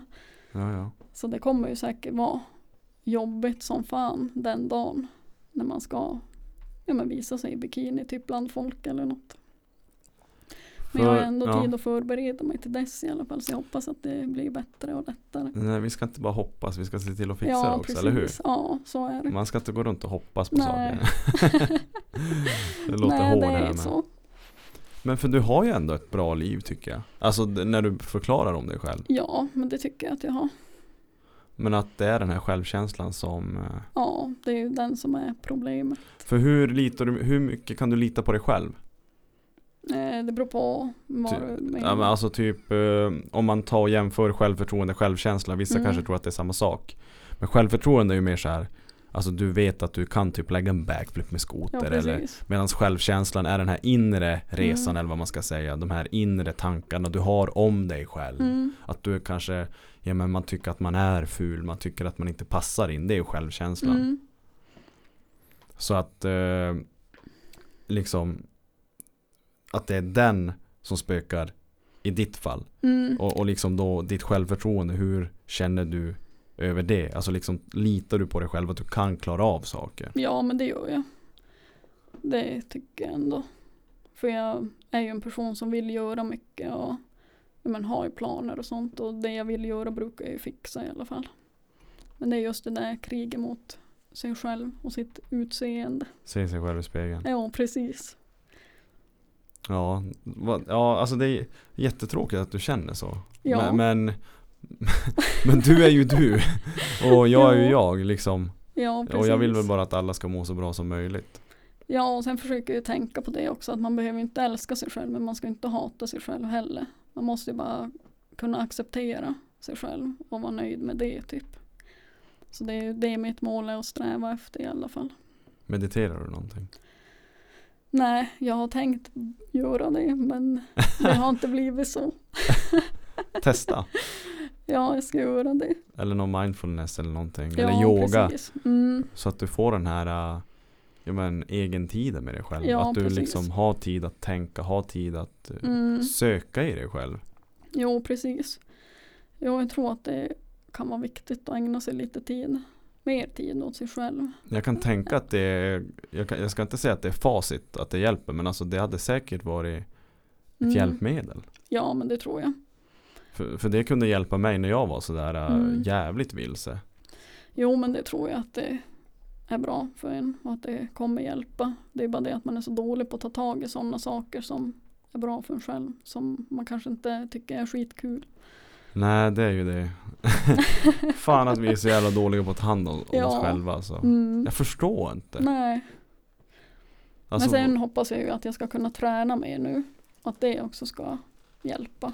Ja men det är klart, träning är ju också, det får man inte Ja. glömma att säga. Träning är jävla bra Mm. botemedel. Jo, precis. Mot fan allt i livet. Mm. Ja, så det har ju varit lite jobbigt när man inte har, ja jag har ju varit och tränat men sen har jag varit soffliggande i några dagar. Och så tränar jag igen och så varit soffliggande typ. Ja, och då blir det ju ett, ett jävla, det blir som kämpigt hela, Ja. hela tiden. Jo, det har inte känt, känts lätt en enda gång. Det har ju varit motigt varje gång att gå och träna typ. Vad tränar du för någonting?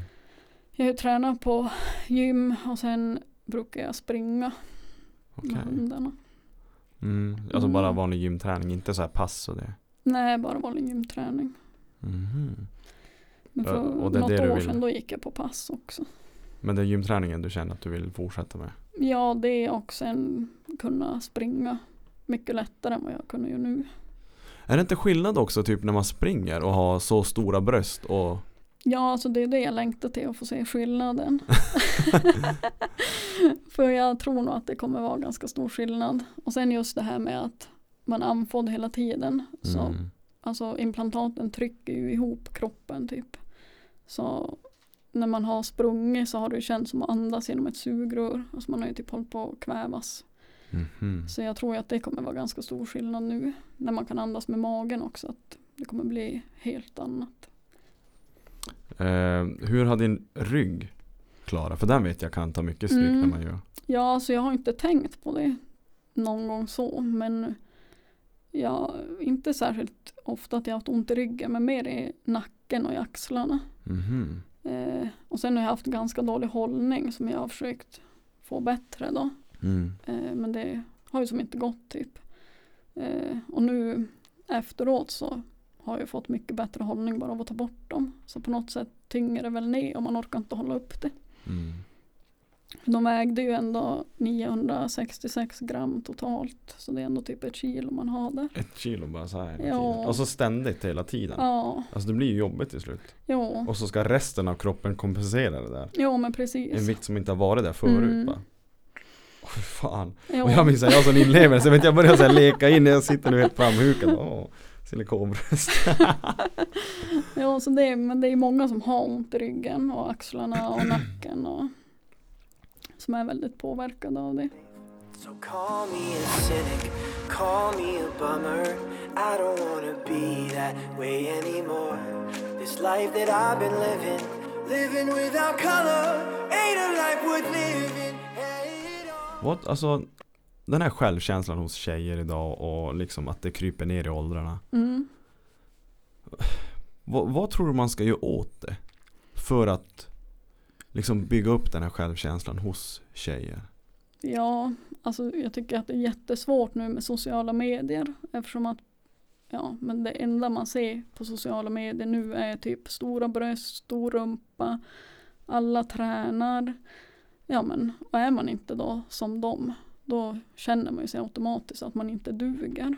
Mm. Så jag tänker att det är väldigt viktigt för de som är stora på Instagram och andra sociala medier att verkligen ta ansvar för vad man visar och ja, men, på något sätt lär ut till de som är yngre. Tycker du det? Ja, alltså, Att det är deras ansvar typ att nej, eh, alltså inte bara deras, men jag tänker att det är allas ansvar. Men de gör ju en så stor inverkan på sociala medier eftersom att det är de som syns hela tiden. mm. Eh, det, här, det här är också ett ganska intressant ämne. mm, Eh, jag har en tjejkompis som eh, hon tyckte att hon, att hon var lite överviktig. mm, Eh, det är ju ja, men ett lite annat ämne men ändå samma grej då. För att, och då bestämde hon sig för att gå ner i vikt. mm, Och så la hon ut det här på sin Instagram. På bara några veckor så hade hon gjort en sjukt stor förändring. mm, Eh, och då får hon kommentaren, hon skrev åt mig, hon bara alltså Pontus, alltså, vad, vad finns det för folk där ute egentligen? Jag bara, men vad menar du? Och då var det någon som hade, liksom, den här tjejen hon är överviktig, anser hon, eh, går ner i vikt, alltså liksom lägger tid, kraft, energi på att fixa diet, gå ut och träna Mm. varje dag, fixar sin kropp så att hon känner sig trygg i sig själv. Sen är det någon som kommenterar, eh, vad dåligt att du lägger ut det där. Du Ja. främjar kroppshets. Förstår du? Alltså, ja, ja, precis. och, och det, där tycker jag vi har spårat ur lite grann, i alla fall i Sverige. Mm, Varför ska vi skönmåla och vara tjock? Mm, Varför ska vi alltså liksom säga att det är så fint mm. att misshandla sin egen kropp? Jo. Varför ska vi säga att det är okej att käka godis och pizza Mm. och skit varje jävla dag? Mm, Varför ska inte den här tjejen som har varit obekväm med sig själv ta tag i sitt liv, gå ner, bli säker i sig själv och faktiskt visa det? mm, Och, och sånt där ska man ju hylla, bara fan bra kört, bra jobbat Ja. istället för Fy fan, att du främjar kroppshets. Uff, Mm. jag, jag får sån ångest av att se på dig. Och då kommer man ju tänka, vilka personer är det som får ångest av att se på någon som jo, går ner precis. i vikt? Mm. Det är förmodligen något annat jävla fetto. ja. Förlåt om jag säger sådär hårt men alltså jag, blir, Mm. jag kan bli så less på det. Att hårt arbete, det ska, det ska inte, vi ska inte hylla det. Nej, Usch, det är, precis. då har du gjort något dåligt. Mm. Förstår du vad jag menar? Ja, precis. Och jag förstår att, att det kan vinklas till det också. Att, det är, alltså att folk tar åt sig av det också.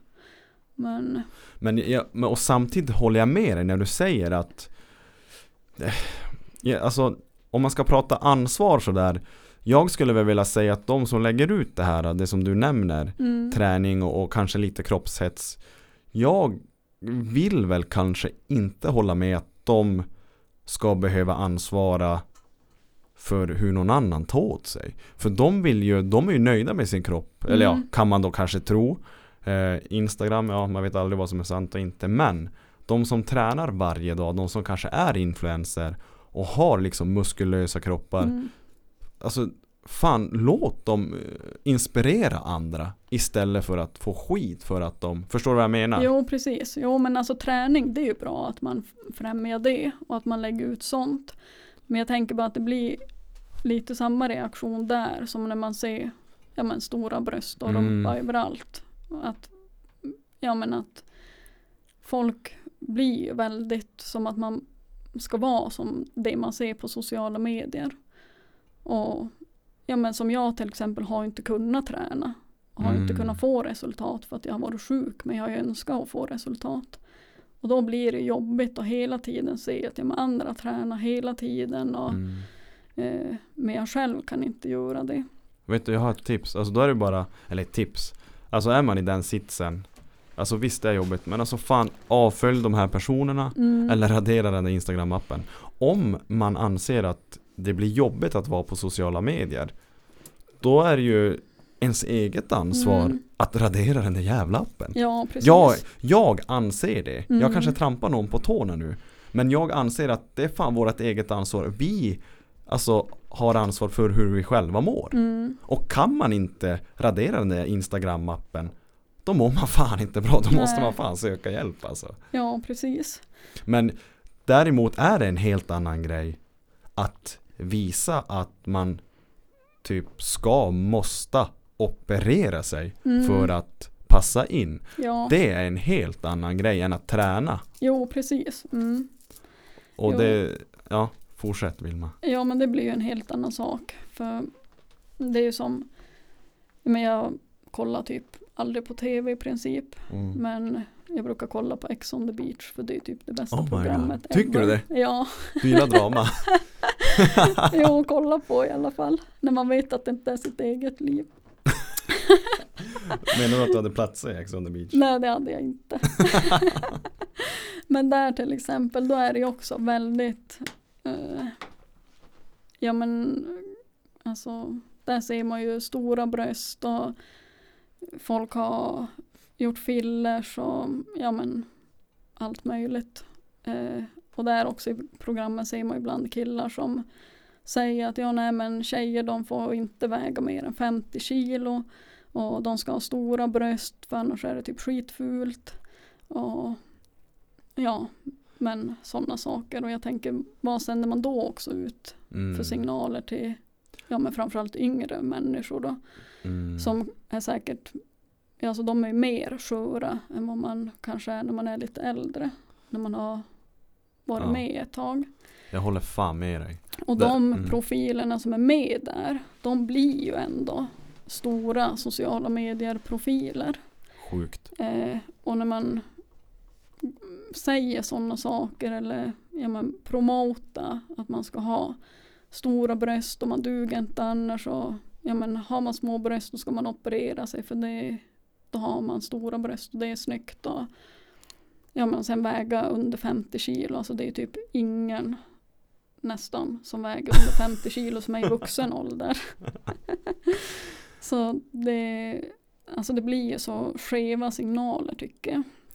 Mm. Och det är ju det man ser på ja, men Instagram också. Stora bröst och folk opererar sig och folk eh, fyller, fyller sig hela ansiktet och ja, folk gör rumpimplantat och det är Mm. allt möjligt för att, för att man ska bli nöjd med sig själv. Men jag vet inte, blir man någonsin nöjd med sig själv när man gör så? Det eskalerar ju oftast bara. Som jag också ville ha ännu större. Mm. Och ja men som min sambo och andra har sagt att men de är ju stora. Men nej de är skitsmå. Men det var de ju inte. Alltså man blir väldigt storleksblind. Och, och då blir det också, jag var ju nöjd med dem men jag vill ju ändå ha större. Så vad är man för nöjd då egentligen? Mm. Det är ju som ett ganska komplext område som är väldigt stort och jag vet inte riktigt vad man ska göra åt det. Ja, alltså jag håller fan med dig där om typ Paradise Hotel och Ex on the. Beach för det är lite samma signaler. Mm. För det, det som är sjukt idag, säg för kanske tio år sedan, då var det typ lite så här tabu att vara med i Paradise Hotel. Du vet, Ja, då kunde man, var man med i Paradise Hotel så typ kunde man gå ut på krogen och få stryk. Bara för Jo. fan vilken jävla loser. ja men precis. Men nu blir det ju för fan, det- alltså det blir ju för fan kändisar. Jo, Och har hur mycket uppmärksamhet Ja. och publicitet som helst. ja, det är verkligen status att vara med där nu. Och, och jag kan tänka mig, och så skulle någon kille eh, säga åt mig Ja, tjejer måste ha silikon, tjejer måste väga under 50 kilo. Mm. Alltså, han har förmodligen, han är förmodligen helt hjärndöd. Mm. Alltså vad har man för uppfattning ja, om precis. tjejer? Det är ju helt Mm. skevt. Ja. Och sen vet man ju inte om han menar det eller om det är för att det ska bli tv. Men det sitter ju fortfarande människor hemma och kollar på det där som kommer att ta åt sig av det. Mm. Och jag tänker de här, ja men de har ju typ säkert flera hundratusen följare på Instagram. Och bland dem är det ju säkert många yngre Mm. som sitter och kollar på det där och bara tänker att ja men åh, som hon vill jag se ut och jag vill också ha sådär. Och, ja men så vill jag ha. Kan, en intressant grej om att det är i tv. För förra veckan var jag iväg och gjorde tv. Mm.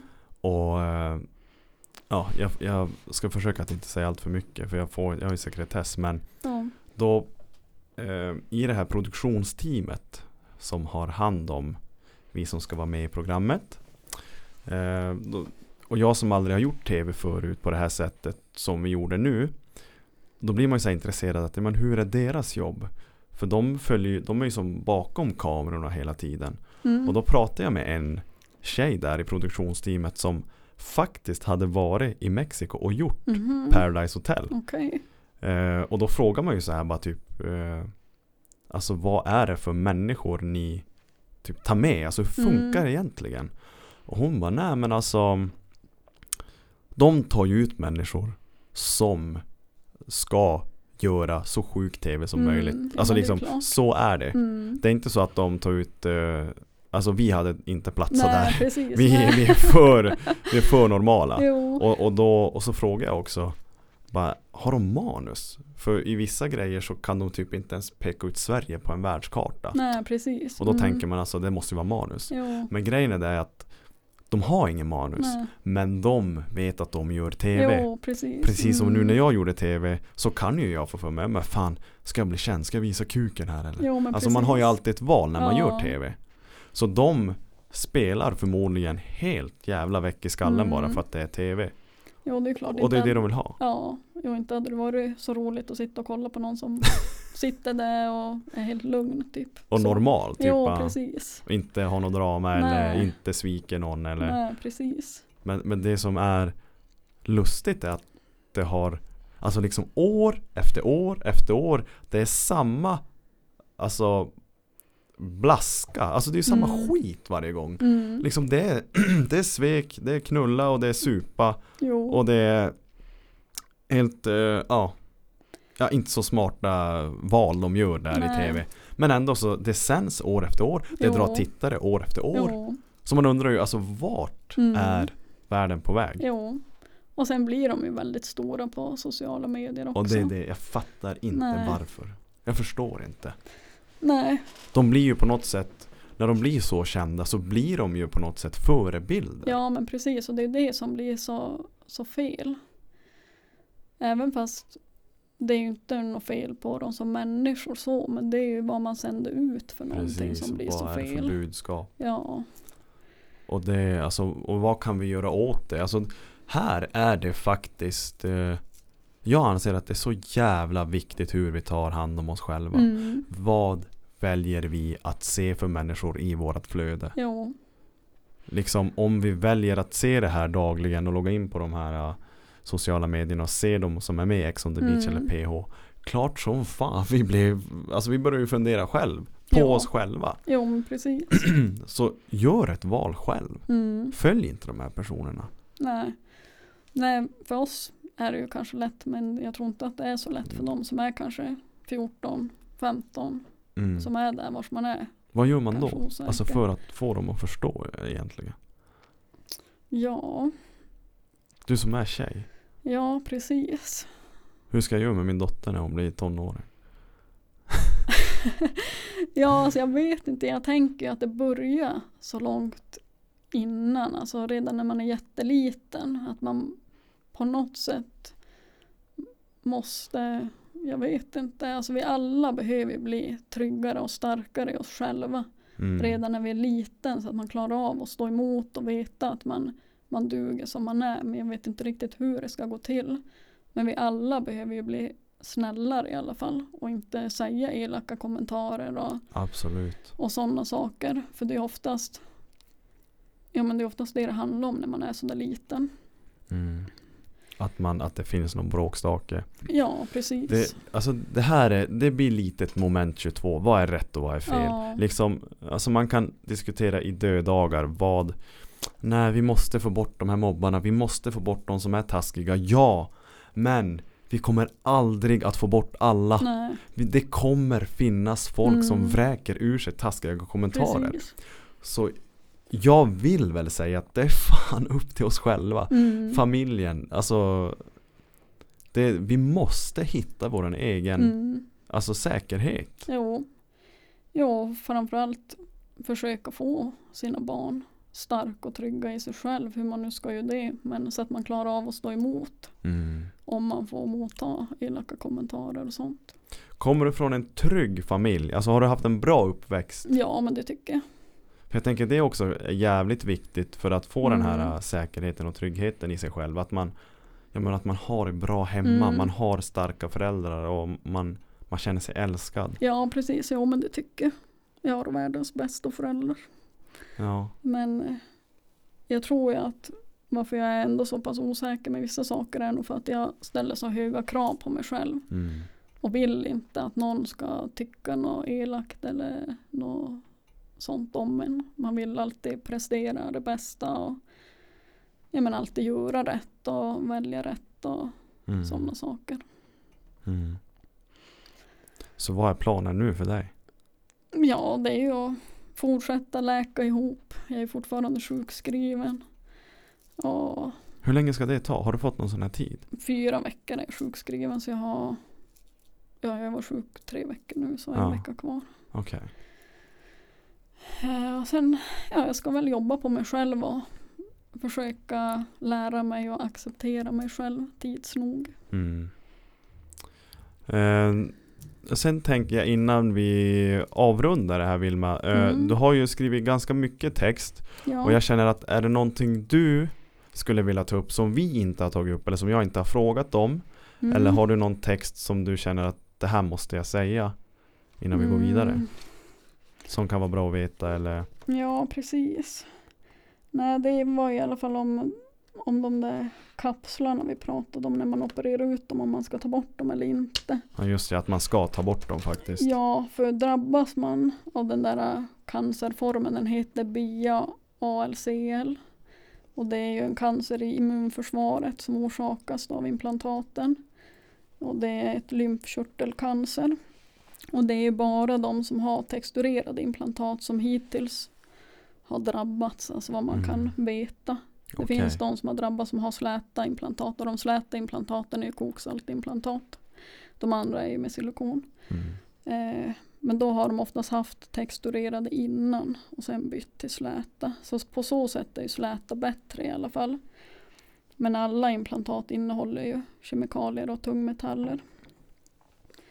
Och sen verkar det som att man har börjat kalla den här texturerade ytan för nano och semitexturerade. Som att det på något sätt ska vara bättre typ. Mhm. Men alla texturerade är ju som samma sak. Och varför de är värre är ju för att det är en perfekt grogrund för bakterier i själva ytan eftersom att den är sådär skrövlig Mm. som frostig typ. Och när man tar bort kapseln så för botemedlet på den här cancern är att man tar bort kapseln. Okej. Så tar man bort kapseln då på en gång när man opererar ut dem då ska ju som inte risken för det finnas kvar. Mm. För Det finns de som har lämnat kapseln kvar och som har drabbats av den här cancerformen efter några år. Mm, Det ligger som och precis. gror där och sen slår det som ut. Och då opererar man ju ut kapseln så då är det lika att göra det på en gång men det är ju mer omfattande operation. Mm. Men du har ju outat det en bra klinik så. Ja precis. Och sen i de här koksaltimplantaten så har man hittat mögel på växt ganska många gånger också. Åh! Alltså, att det blir mögel där inne typ. Varför får jag så lätt bilder i huvudet? Åh!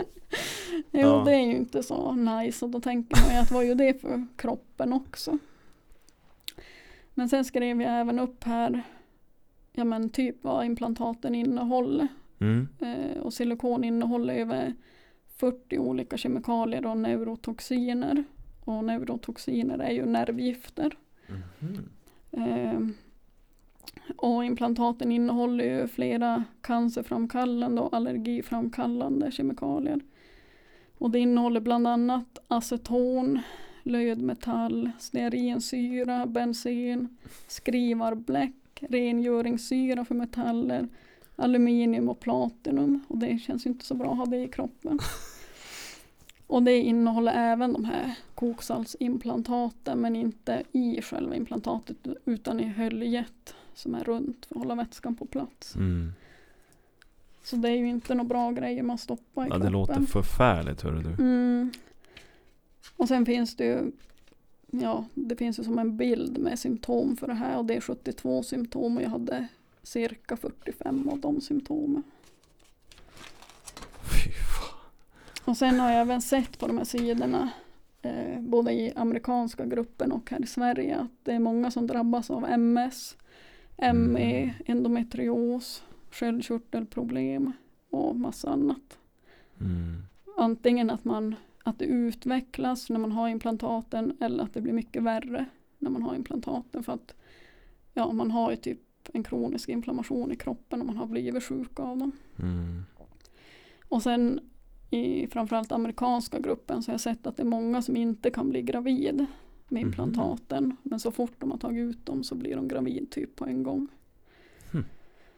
Intressant. Ja, och där har man även sett att eh, det har kommit ut silikon genom bröstvårtorna när de har ammat sina barn. Oh, det kan ju inte vara så bra. Nej, så då kan man ju tänka att då kan ju barnen få i sig det här silikonet också. Det kan ju inte vara jättebra. Med alla de här ämnena i. Ja, Oh shit. så det är ju inte särskilt bra. Och Sen varför inte alla blir sjuka av det. Det verkar ju ha med gener att göra, hur känsliga kroppar man har. Alltså hur lätt man har att avgifta kroppen själv och, och sådär. Fy Mm. fan. Alltså det Alltså det låter som en grotesk business. Mm. För det är så jävla mycket pengar Ja, Alltså ja så det det är handlar ju en om. miljardbransch. Det är det. Och därför är det inte så mycket forskning heller som sker om det här. Men nu verkar det som att det börjar vara på tapeten ännu mer. Mm. Eh, Så vi får hoppas att det går framåt. I USA ville de ju nu ändra så att, men så att man ska få veta alla de här riskerna innan man sätter in implantat i alla fall. Ja och de som hör ju på det här vet ju nu också riskerna. Ja, precis. och att du faktiskt har varit med om mm. ganska ja. så hemska saker. Och jag kan ju tänka mig, eller ja, ja men jag kan ju tänka mig att det finns många där ute som är sjuk, har implantat och man inte vet vad det beror på. För jag har ju Mm. varit till läkaren också, de hittar ju ingenting och det är ju standard med de som är Mm. sjuka av implantaten. Man går till läkaren och de hittar inget svar. Det finns ingen förklaring. Mm. Jag har sett folk som har fått epilepsi också. Det finns ingen förklaring till varför man har fått det. Mhm. Eh, och typ, eh, ja men det man kollar inom sjukvården det överensstämmer inte med de som har epilepsi men man har ändå det. Mm. Och sen när man tar bort dem så går det bort. Eh, och det som också är vanligt med de som har implantat och blivit sjuka är att alla känner sig döende nästintill. Mm.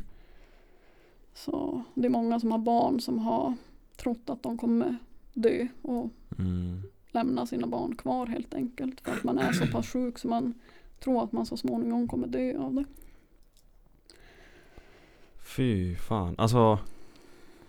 Jag. Eh, alltså vad ska man säga egentligen åt, alltså för att. För, för vi gör ju vad vi vill med våran kropp. Ja, Men eh, jag skulle väl inte Jag är för det första helt obrydd om du har silikon eller inte om Mm. jag träffar en tjej Eh, Men Alltså jag har typ lust att säga att De killar som säger att du måste ha silikonbröst Fan, mm, be dem få åt helvete ja precis. Alltså, Mm. eller hur? Ja. Jo, om alla hade behövt bli så pass starka som man står emot alla sådana kommentarer som har med sånt här att göra. Vad, hur många, har du någon procent på typ hur många som blir sjuka? Eh, nej, alltså inte riktigt. Men i den här svenska gruppen jag är med i, där är det ju i princip folk dagligen som hittar, eller som skriver inlägg i alla fall. Sen vet jag inte hur många som går med i gruppen.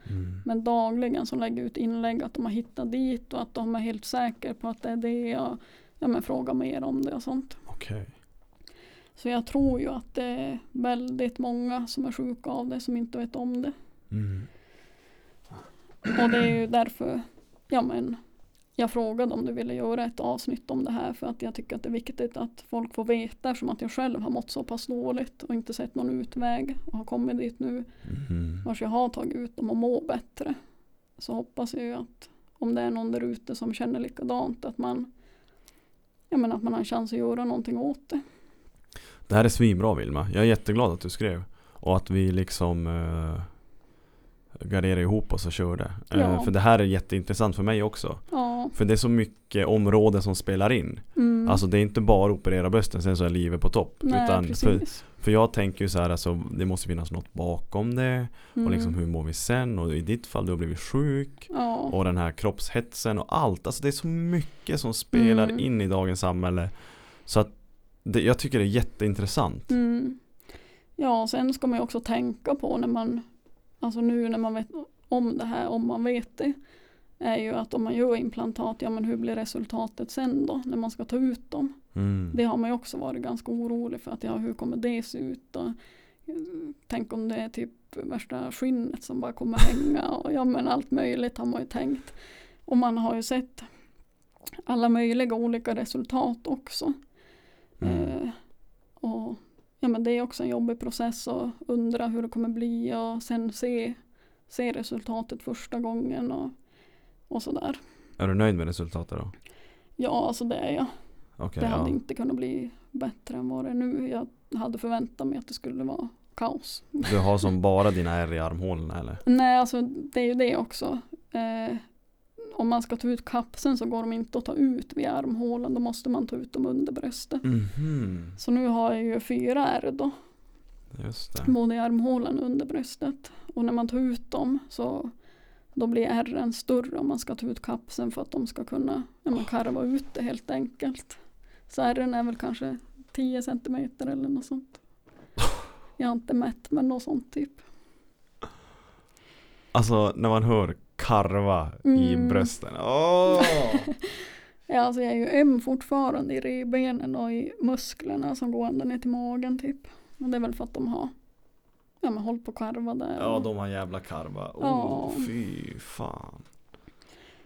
så. Men alltså det här är så jävla viktigt Mm. tycker jag. Eh, för jag är, alltså du ska inte behöva ha silikonbröst. Nej, Alltså det, eh, tjejerna är fina ändå. ja. Och det Eh, man har fått göra nu för att ja, men på något sätt lättare acceptera att man kommer vara platt. Det är ju egentligen att ja, men, googla typ eller på sociala medier eller någonting kolla på de som är platt typ. Och då ser man ju att de är ju också fina. Och, men man tänker ju alltid om sig själv att nej men jag kommer inte vara fin så. Mm, Men så man måste ju typ peppa sig med att kolla på andra. För man tycker ju att andra är fina. ja, ja, mm. Så det är Men- så jag har gjort för att det ska kännas lite lättare i alla fall. ja, men jag hoppas verkligen att du kan eh, hitta ditt rätta jag sen. Ja, men det tror jag. Eh, Men sen då, om, eh, om du får sätta din egen prägel på livet. Mm. Liksom, det här har ju ändå varit ganska jobbigt för dig att gå igenom. Ja, ja. Eh, vad kan du säga till dem där ute om livet, tips och tricks och, och sådär? Bara i, i allmänhet. Ja, men bland annat det att avfölja det man inte mår bra av. Det har jag börjat göra för ett tag sedan. Och sen ja, men, tänka på vad man har för alternativ som i mitt fall. Att jag kunde välja en chans till att må bättre. Men må sämre psykiskt då kanske ett tag i alla fall. Mm. Eh, istället för att välja och må jättedåligt. Och då, ja, men då ska man ju ta den möjligheten. All möjlighet till att må bra måste man ju ta. Mm. För även om man kanske inte bryr sig om sig själv som jag gjorde då när jag sa att jag hellre dör än att ta Mm. ut dem. Så har jag ändå min sambo, mina föräldrar och min familj och allt sånt man måste bry sig om. Vi lever ju ändå alla här tillsammans. Man vill ju att alla ska må bra, inte vill ju de att jag ska må dåligt. Mm. Och se mig sängliggande år ut och år in typ så. Så vi måste ju ta alla chanser vi kan till att må bättre och sen ja, men, ägna mer tid åt oss själva och stärka upp oss och, och sen som sagt acceptera den vi är. Och man behöver inte älska sig själv men inte hata sig själv heller. Bara vara tillfreds med den man är. Mm. Ja, Mm. det är fint sagt Vilma. Och att vi alla ska bli snällare mot våra medmänniskor. Absolut. Tänka på vad man säger innan man säger något. Absolut. För även om man själv inte tycker att det är någon big deal så kan det ju vara någonting någon sitter och tänker på flera år senare. Som i Mm. mitt fall till exempel. Badhuset. Ja, det är ändå länge sedan jag var i den åldern. Det är ju typ, Ja, det är ja, svinlänge sedan. det är typ 14 år ja, sedan. något sånt. Och man tänker fortfarande på det. Mm. Så det är ju viktigt.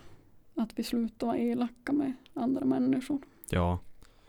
Och att vi, jag menar att man verkligen, ja alltså det känns ju lite som att om man, om det står två tjejer framför en, en är helt naturlig och en är, har bröstimplantat, rumpimplantat och botox och fillers och allt.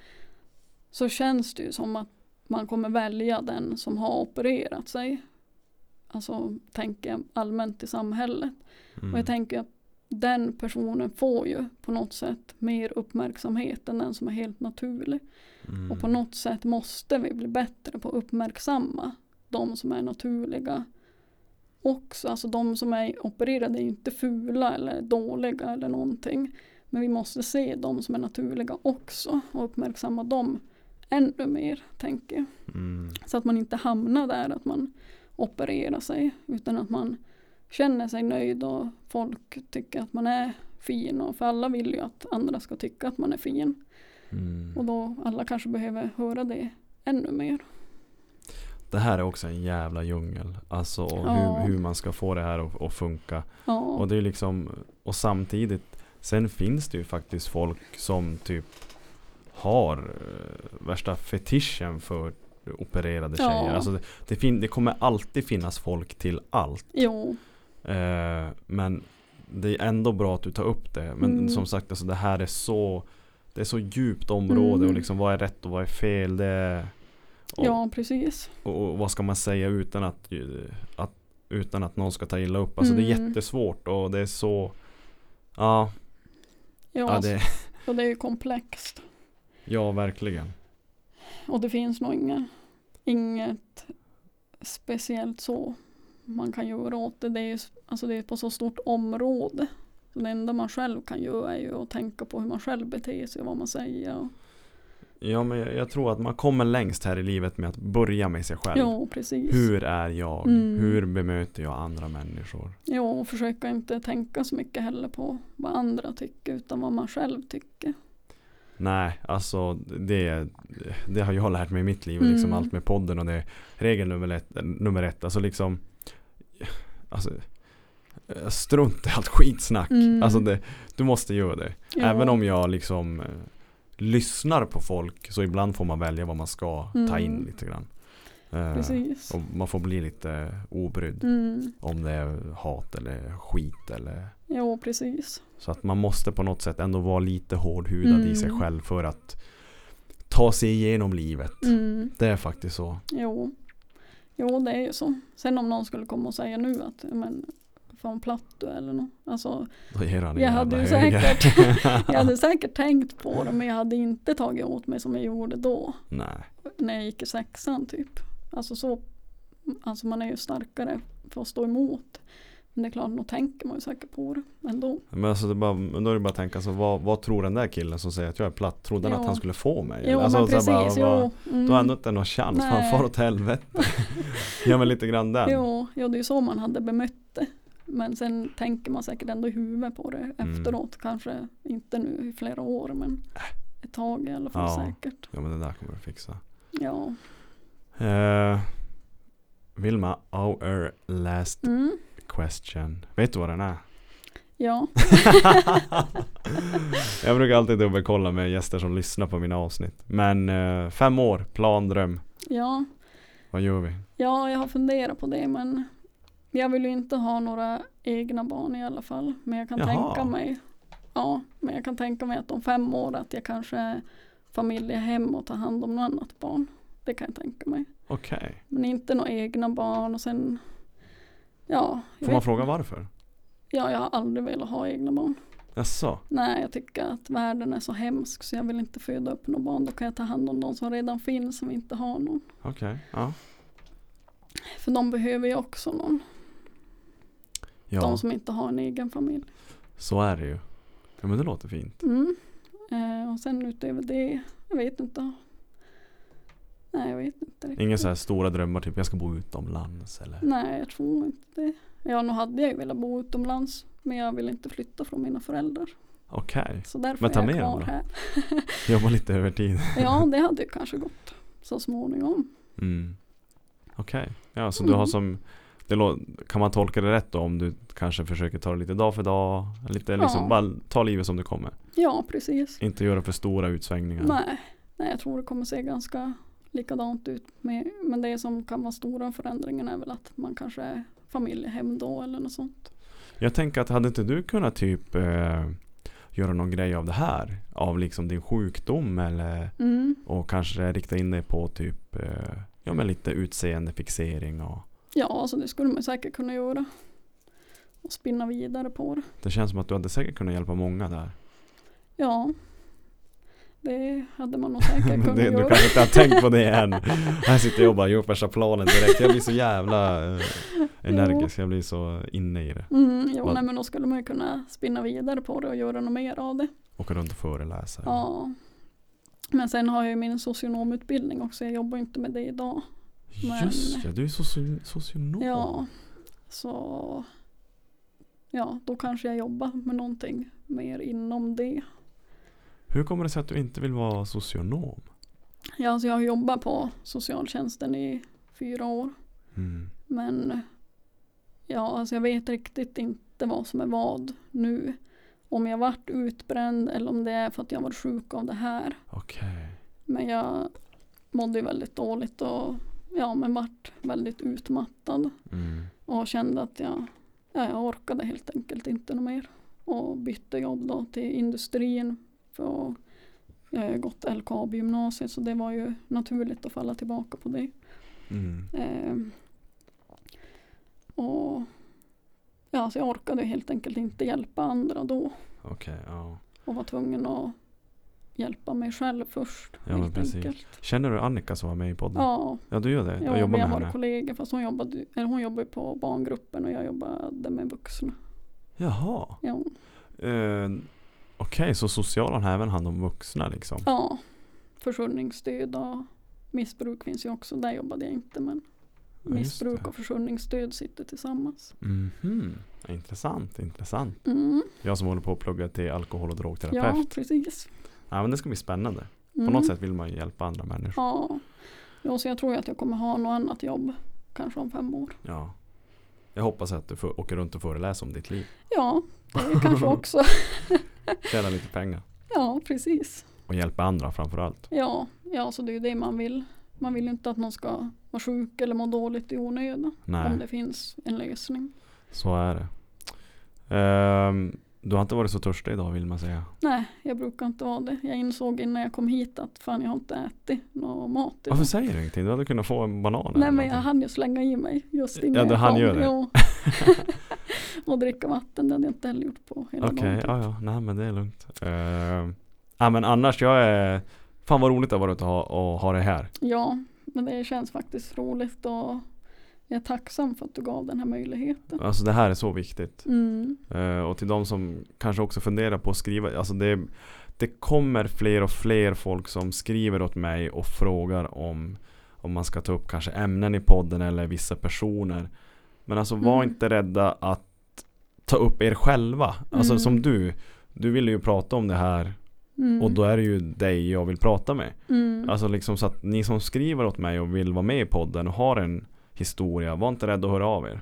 mm. För jag, jag svarar, jag hör av mig, jag tar kontakt med er och vi pratar om det. Och sen så ser vi om vi kör det eller inte. Mm. Så det är inte värre än så.